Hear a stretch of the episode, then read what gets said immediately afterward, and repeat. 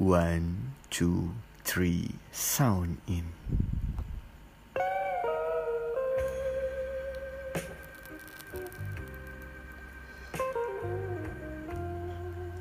Halo, selamat pagi, selamat siang, selamat sore, selamat malam. Selamat datang kembali di podcast Cie gitu. Masih sama gua yang bakal nemenin beberapa menit lu ke depan. Dan seperti biasa cuy, gue bakal terus nanyain gimana hari ini cuy. Are you happy today? And I wish your day was a wonderful day was a great day. Semoga lu tetap dalam keadaan baik-baik di sana, lu dalam keadaan sehat di sana. Dan buat yang masih berjuang di tengah-tengah pandemi yang belum mereda ini, tetap semangat cuy. Apa pun itu, untuk apa pun itu yang lu lakuin tetap semangat. Terus buat yang belum bisa kumpul sama keluarganya, jangan sedih cuy jangan sedih, tetap simpen rindunya, tetap jaga komunikasinya dengan baik sama keluarga lu, biar keluarga lu nggak khawatir akan kabar lu, cuy. Dan kali ini, seperti yang udah gue omongin di podcast sebelumnya, gue bakal ngomongin tentang relationship, cuy. But so sorry, sorry banget karena gue belum bisa ngobrol sama temen gue dan kali ini gue tetap ngobrol sendirian cuy. Karena beberapa faktor sih cuy. Dan sebenarnya gue udah sempet record tapi kualitasnya masih belum layak buat dipublis menurut gue jadi gue pending dulu cuy. Tapi tetap nanti eh, gue bakal rilis sih nanti. Ngomong-ngomong tentang relationship nih cuy. Apa sih relationship cuy? Menurut gua Relationship tuh hubungan antara satu manusia dan manusia lainnya Atau kelompok manusia Yang memiliki tujuan yang sama Itu sih cuy menurut gua cuy. Tapi itu secara luas. Gue bakal ngerucutin lagi Topiknya. Jadi Relationship tuh hubungan antara manusia dan manusia lainnya yang memiliki hubungan dan tujuan yang sama yang melibatkan perasaan cuy. Anjay jadi BTW ngomong-ngomong soal relationship nih cuy. Yang dari segi perasaan anjay. Nih akhir-akhir ini atau yang gue perhatiin cuy Bukan akhir-akhir ini sih. Semakin ke sini sih lebih tepatnya lah semakin ke sini tuh semakin dini usia anak-anak untuk mempunyai relationship cuy. Yang melibatkan perasaan tentunya anjay. Jadi kayak di zaman sekarang tuh nggak anak SD doang sih cuy kayaknya cuy menurut gue cuy. Yang udah mulai in relationship kayaknya anak TK juga udah mulai in relationship cuy anjay. Karena kayak gue dulu kali ya gue dulu tuh kayak in relationship dari TK udah mulai ngerasain sesuatu sama lawan jenis tuh cuy anjay dari TK cuy. Karena mungkin TK gue juga yang free banget mungkin fun banget yang beda dari TK-TK pada umumnya. Karena TK-nya cuman beberapa persen belajarnya dan belajarnya juga nggak cuman belajar yang konvensional doang. Kita belajar bahasa agama bla bla bla segala macem. Dan lebih banyak mainnya sih cuy. Kayak hari per hari tuh dibedain cuy kayak ada berenangnya karena di TK gue ada kolam renangnya. Kita mandi bola kita main tanah liat atau senam atau olahraga atau apa pun itu. Karena TK gue kayak gitu dan di TK itu tuh selalu nyediain makan siang. Jadi orang tua si murid nggak perlu ngejemput nganterin makan siang. Mungkin karena itu jadi gue deket sama salah satu muridnya anjay. Namanya orang berbepu anjay. Grogi gue cuy ngomongin relationship tuh cuy. Dulu tuh gue ingat sih cuy namanya cuy. Namanya Rere cuy anjay. Terus gesap abis itu grogi cuy karena gue nggak terlalu paham juga tentang relationship cuy. Kesampingin sih itu cuy. Cuman intermezzo doang sih cuy jadi yang bakal gue bahas kali ini tuh relationship di umur umur gue sih cuy. Di kepala 2, 20, 21, 22 sih cuy. Atau lebih jauh dari 22, 23 ke 24 ke 25 kah. Yang emang lagi menggebu-gebunya cuy buat in relationship cuy. Karena emang udah mulai mateng cuy secara fisik dan psikologinya cuy anjay. Jadi gue tuh pengen ngebahas tentang perbedaan antara relationship dan partnership sih cuy. Antara itu terus gue pengen ngebahas tentang ciri-ciri atau hubungan toxic relationship. Terus gue juga mau ngebahas tentang FWB friends with benefit. Tapi jangan mikir aneh dulu cuy. Gue bakal jelasin nanti anjay yang menurut kapasitas gue sih cuy anjay. Jadi ini ngomong-ngomong tentang relationship dan partnership nih cuy. Jadi menurut gue sih di umur-umur segini tuh lebih cocok buat disebut partnership dibanding relationship cuy.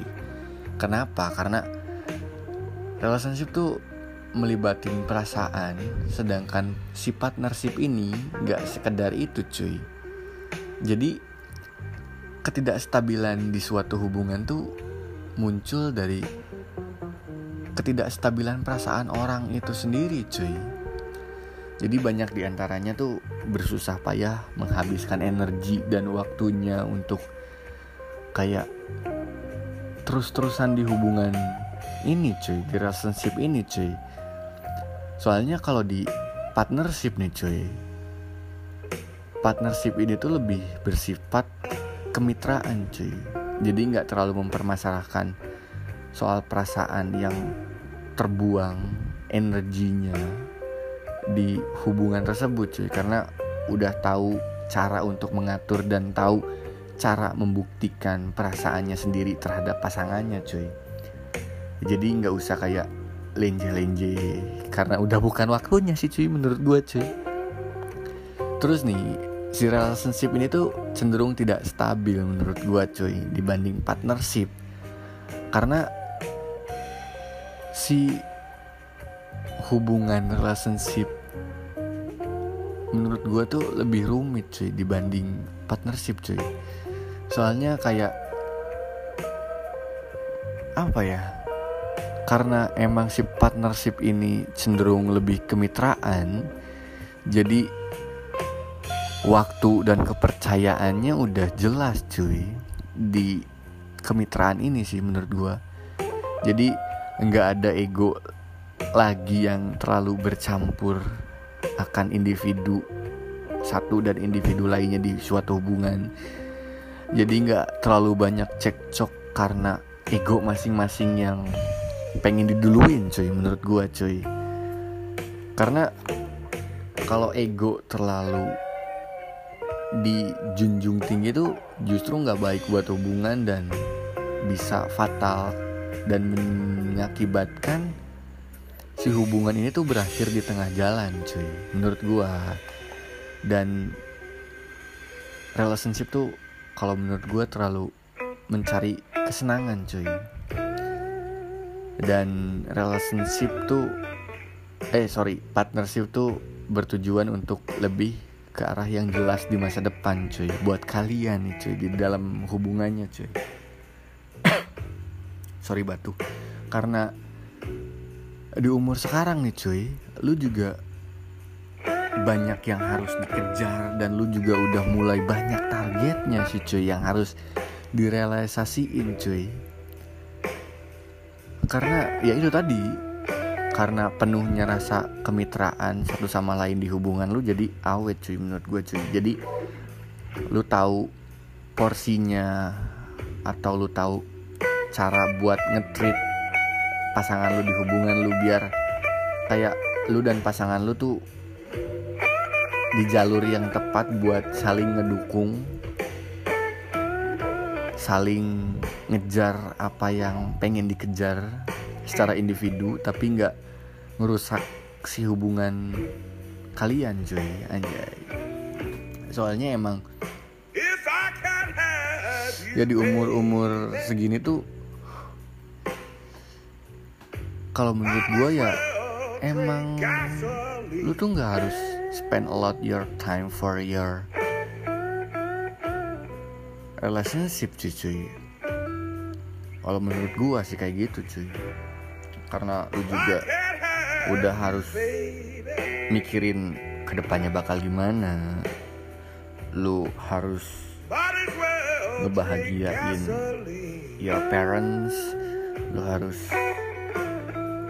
ngebuild your future gitu cuy. Anjay lu harus ngebuild masa depan lu. Jadi ya kalau kata gue sih lebih cocok disebut partnership sih cuy. Ketimbang relationship karena lu juga udah tahu porsi dan caranya untuk nge-treat pasangan lu cuy. Dan ngatur si relationship lu sendiri cuy. Terus ngomong-ngomong soal toxic relationship nih cuy. Jadi kan kayak lu juga kenal dong apa yang namanya hubungan yang beracun atau toxic relationship cuy. Jadi ciri-ciri relationship yang toxic yang beracun tuh cuy Kurangnya dukungan dari pasangan cuy. Sehingga pencapaian apa pun yang dicapai itu kayak suatu kompetisi di dalam hubungan. Lu ngerti gak sih cuy apa yang gue maksud cuy? Jadi kayak nggak sehat cuy. Karena kurangnya faktor saling menghargai jadi lebih kayak kompetisi sih cuy. Karena menurut gue ada tiga faktor sih cuy dalam hubungan yang harus lu junjung tinggi. Yang pertama tuh kayak komunikasi karena itu penting banget buat kelangsungan hubungan lu. Yang kedua kejujuran. Dan yang ketiga tuh rasa saling menghargai cuy karena hidup lu bukan melulu buat pasangan lu cuy. Dan toxic relationship tuh komunikasinya agak-agak kasar dan sarkasme sih cuy menurut gua cuy. Jadi sering banget buat adu mulut cekcok segala macem dan itu nggak sehat menurut gue dan perasaan cemburu yang berlebih karena ya baik lagi tadi tiga faktor itu cuy komunikasi menghargai kepercayaan harus dijaga dengan baik sih cuy biar lu nggak cemburu biar komunikasi lu nggak beracun. Terus lu juga harus ngehindari rasa kecenderungan ingin memegang kendali atas hubungan lu yang terlalu besar cuy. Biar tetap sehat cuy. Karena itu salah satu ciri-ciri toxic relationship cuy lu pengen megang kendali penuh atas hubungan lu cuy. Terus kejujuran yaitu salah satu faktornya cuy. Ketika lu udah nggak jujur di hubungan lu itu bisa disebut toxic relationship cuy, cuy. menurut gua cuy. Saling menghormati ini cuy. Kayak sengaja melupakan hal-hal penting yang berkaitan dengan hubungan itu juga bisa disebut toxic relationship. Tapi ngomong-ngomong soal hal-hal penting di hubungan lu cuy. Banyak faktor penunjangnya juga sih cuy karena di umur segini lu juga harus yaitu gimana caranya lu ngeselarasin antara keinginan pribadi lu dan hubungan lu sih cuy. Karena ya emang itu suatu kewajiban lu cuy di hidup lu cuy anjay so asik banget gue kayak biasa anjay. Terus nih cuy kayak lu juga kalau terlalu royal buat pasangan lu ngeluarin uang terlalu banyak di hubungan lu cuman buat senang-senang kayaknya menurut gue juga itu udah salah satu toxic relationship sih cuy. Karena lu juga harus spend a lot of money for your future untuk apa yang lu pengen dapet lu juga punya hak atas itu sih cuy menurut gue cuy. Kalau lu terlalu royal dan itu jadi toxic relationship cuy menurut gue cuy. Dan satu lagi nih cuy. Lu juga terus-terusan ngikutin kemauan pasangan lu. Lu terus ngejaga hubungan ini terhindar dari konflik terus-terusan. Itu juga masuk dari ciri-ciri toxic relationship sih menurut gue cuy. Karena menurut gue nih lu nggak bisa terus-terusan ngikutin ritme seseorang cuy. Karena juga lu butuh waktu buat diri lu sendiri lu juga butuh kebutuhan untuk diri lu sendiri dan lu juga nggak perlu ngehindarin konflik sih cuy. Mati-matian ngehindarin konflik sih cuy. Karena ya itu kan cuy konflik tuh bagian dari hubungan cuy. Jadi kayak sayur tanpa garam cuy. Hubungan yang gak ada konfliknya tuh cuy anjay. Jadi ya jangan berusaha untuk mati-matian terhindar dari konflik cuy. Hubungan lu cuy. Karena itu juga nggak sehat cuy anjay. Dan next topik nih cuy. Ngomongin soal FWB cuy. Gue nggak tahu sih ini FWB itu selalu dipandangnya negatif cuy karena mungkin di zaman sekarang terlalu berkaitan erat dengan sex activity cuy. Menurut gue sih cuy.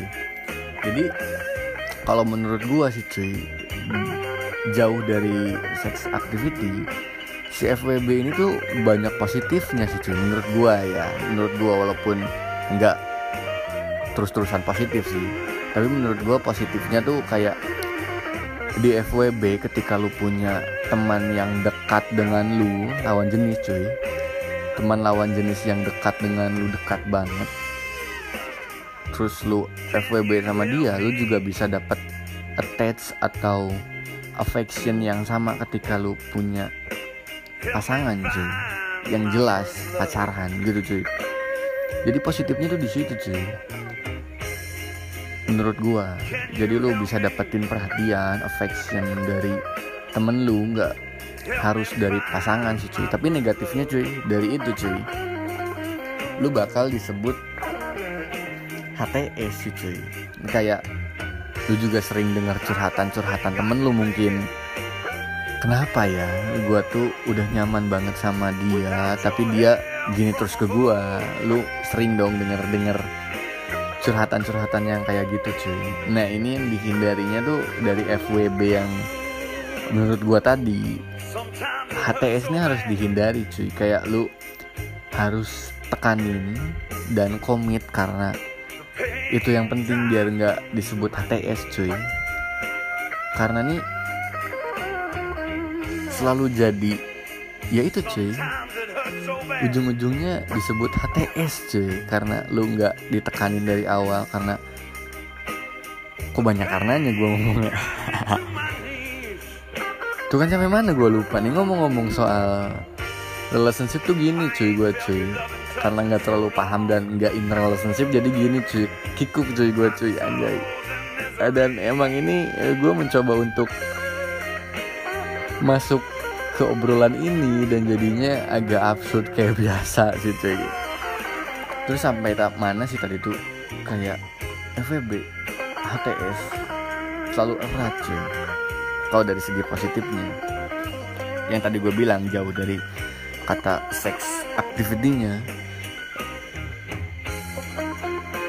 ya sebisa mungkin lu ketika masuk di suatu hubungan yang bisa dibilang FWB dari segi attach dan affection perhatian lu juga harus tekanin. Kalau kita tuh teman tapi nggak tahu juga ke depan bakal gimana. Lu jodoh sama gua nggak tahu kan cuy anjay. Masa depan lu nggak bisa ditebak cuy. Ya lu bilang kayak gitu sih cuy kalau menurut gua cuy. Dan Oh iya cuy, BTW nih cuy. Kemarin kan tanggal 21 nih cuy. Gue ngucapin dulu dong. Buat wanita-wanita kuat di luar sana Selamat Hari Kartini cuy. Terus perjuangin hak lu Atas kesetaraan gender cuy. Dan intinya selamat hari kartini sekali lagi buat wanita-wanita di luar sana wanita-wanita kuat. Anjay dan back to topic cuy. Jadi ngomong-ngomong soal ini cuy relationship gue tuh diminta atau request dari temen gue sih sebenarnya cuy buat ngomongin ini cuy. Jadi katanya cobain deh Ki ngomongin soal relationship. Kayaknya asik dan share-share sedikit sih pengalaman lu di relationship anjay. Gue tuh nggak mau nggak bisa dan nggak mau buat terlalu terbuka di podcast gue sih cuy. Soal pribadi gue atau yang lebih privacy sih sebenarnya. Tapi ya gue mencoba untuk menjawab requestnya dan ini jadinya cuy. Anjay. Dan ya sedikit sih gue bakal share sih. Jadi menurut gue sih cuy relationship ini cuy kayak bullshit banget sih cuy menurut gue karena yang awalnya bla bla bla bla kita jalan bareng bareng sesuai dengan ini bla bla bla bla bla bla bla bla bla bullshit cuy menurut gue cuy. Kalau prinsip gue nih cuy buat sekarang kayak ketika lu punya visi dan misi yang sama dengan lawan jenis yang lu suka dan lu punya perasaan yang sama saling punya perasaan yang sama ya udah kenapa enggak? Ya nggak sih? Kenapa enggak buat have a commit? Ya nggak sih? Tapi dengan catatan kalau kalau gue nih cuy dengan catatan ya gue pengen ngejar apa yang pengen gue kejar dulu. Toh nanti ketika kita mungkin berjodoh gue juga bakal datang dan kalau lu mau ya ayo kita build sama-sama rumah tangga anjay. Tuh kan cuy. Ngomongin umur segini tuh nggak jauh dari rasa menggubu-gubu soal pengen ke jenjang yang lebih serius cuy. Siapa sih yang nggak mau sih cuy? Btw cuy. Karena emang udah ya itu kayak yang gue omongin di awal karena udah secara psikologinya udah mulai mateng secara fisik juga udah mateng tapi lu juga butuh kayak hal-hal lain yang harus lu siapin dulu. Jadi uh, gue punya salah satu kata sih cuy. Ah, apa sih kata? Nggak jelas kan? Uh, gue punya salah satu prinsip. Sebelum memulai yang lebih serius lu harus sehat secara finansial lu cuy. Karena hubungan dan apa pun itu dalam hidup lu nggak jauh dari kesehatan finansial lu cuy. Untuk hidup yang lebih baik lu juga butuh finansial yang kuat cuy. Anjay menurut gua karena yang harus dikejar sebelum memulai hubungan yang lebih serius itu cuy modalnya cuy. Kalau menurut gua ya dan apa ya ngomong-ngomong soal relationship tuh gua mungkin kurang paham sih cuy. Karena gue juga kebanyakan dapatnya sakit terus sih cuy. Anjay. Dan sampai sekarang gue mungkin belum bisa ngebuka buat seseorang lagi cuy.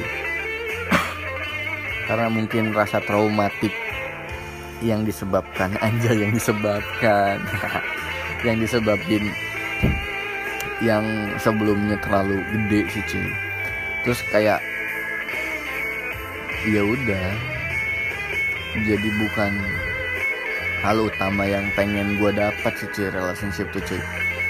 Gue lebih mikirnya gue ngebuild sesuatu buat di masa depan karena gue sadar nama gue tuh bukan Bakri cuy belakangnya cuy. Makanya gue ngejar dulu apa yang harus gue kejar. Dan relationship tuh bonus cuy. Kalau menurut gue ya bonus di kemudian hari dan lu siap ya udah gitu. Hayu jalan aja. Di tangga yang sama ya karena itu sih cuy. Udah kan lu ngomongnya udah ke mana-mana ini udah ngelantur nggak jelas karena oh iya btw nih cuy. Oh, gue sampai kelupaan nih cuy. Btw soal relationship. Ini buat para cewek nih cuy yang belum tahu enggak lu doang cuy yang punya periode moodnya turun ketika lu PMS, pra menstruasi atau apa pun itu, enggak lu doang cuy. FYI nih cowok juga punya cuy. PMS-nya sendiri cuy. Namanya tuh IMS cuy atau irritable male syndrome cuy. Jadi si irritable male syndrome ini tuh lebih dikenal atau lebih family Tuh kan belibet lagi cuy. Lebih family familiar anjay. Sorry. Lebih familiar dengan sebutan male depressive syndrome cuy. Jadi ini tuh keadaan di mana pria merasa gugup menjadi mudah gelisah atau tersinggung irritable kelelahan dan depresi cuy. Kondisi ini tuh disebabkan karena sama kayak cewek hormonal dari segi hormonal hormon testosteron yang dihasilkan oleh pria tuh menurun cuy kadarnya. Jadi menimbulkan rasa depresi atau mood yang buruk cuy. Jadi mudah marah mudah cemas sensitif sama kayak cewek cuy sebenarnya. Jadi nggak ada kata. Lu harus ngertiin gue kalau lu PMS buat cewek nih. Karena kita para cowok para pria juga punya hal yang sama. Kayak kalian cuma beda aja. Ya mungkin juga nggak sesakit apa yang lu cewek rasain sih. Cuman gejala dan mudinya mungkin sama cuy. Jadi itu balik lagi tadi rasa saling menghargai harus dijunjung tinggi sih cuy menurut gua cuy. Biar nggak ada rasa kayak terlalu pengen dikedepankan egonya. Rasa kejujuran yang harus tetap ada di hubungan lu karena jadi berkaitan cuy. Ini antara komunikasi kejujuran dan rasa saling menghargai itu berkaitan cuy. Ketika lu memulai komunikasi yang baik dengan kejujuran lu dalam berkomunikasi atau dalam hal apa pun itu akan kayak timbul rasa saling menghargai cuy. Kayak yang gue udah bilang tadi sih cuy. Jadi intinya tetap jaga tiga faktor tersebut dalam hubungan lu biar hubungan lu tetap dalam keadaan baik-baik aja. Dan semoga nih buat lu yang in relationship terus jaga dan terus langgeng buat hubungan lu semoga bisa ke arah yang lebih serius lagi. Semoga dan mungkin ini akhir dari podcast kali ini cuy. Anjay karena gue juga udah mulai bingung buat ngomongin apa cuy ini cuy. Udah mulai ngelantur gue cuy. Tapi semoga dari podcast ini ada yang bisa lu dapet sih cuy. Walaupun absurd dan banyak ngebacotnya sih cuy kayak biasa anjay. So asik banget gue dan seperti biasa cuy buat spoiler next podcast nih cuy kayaknya asik sih buat next podcast gue ngomongin soal circle pertemanan yang gimana sih cuy? Anjay. Jadi don't miss it for next podcast. Dan jangan bosan buat ngedengerin bacotan gue yang gak jelas ini cuy. Sorry. So intinya see you next podcast. Don't miss it dan see you. Bye bye. Bitch. Anjay.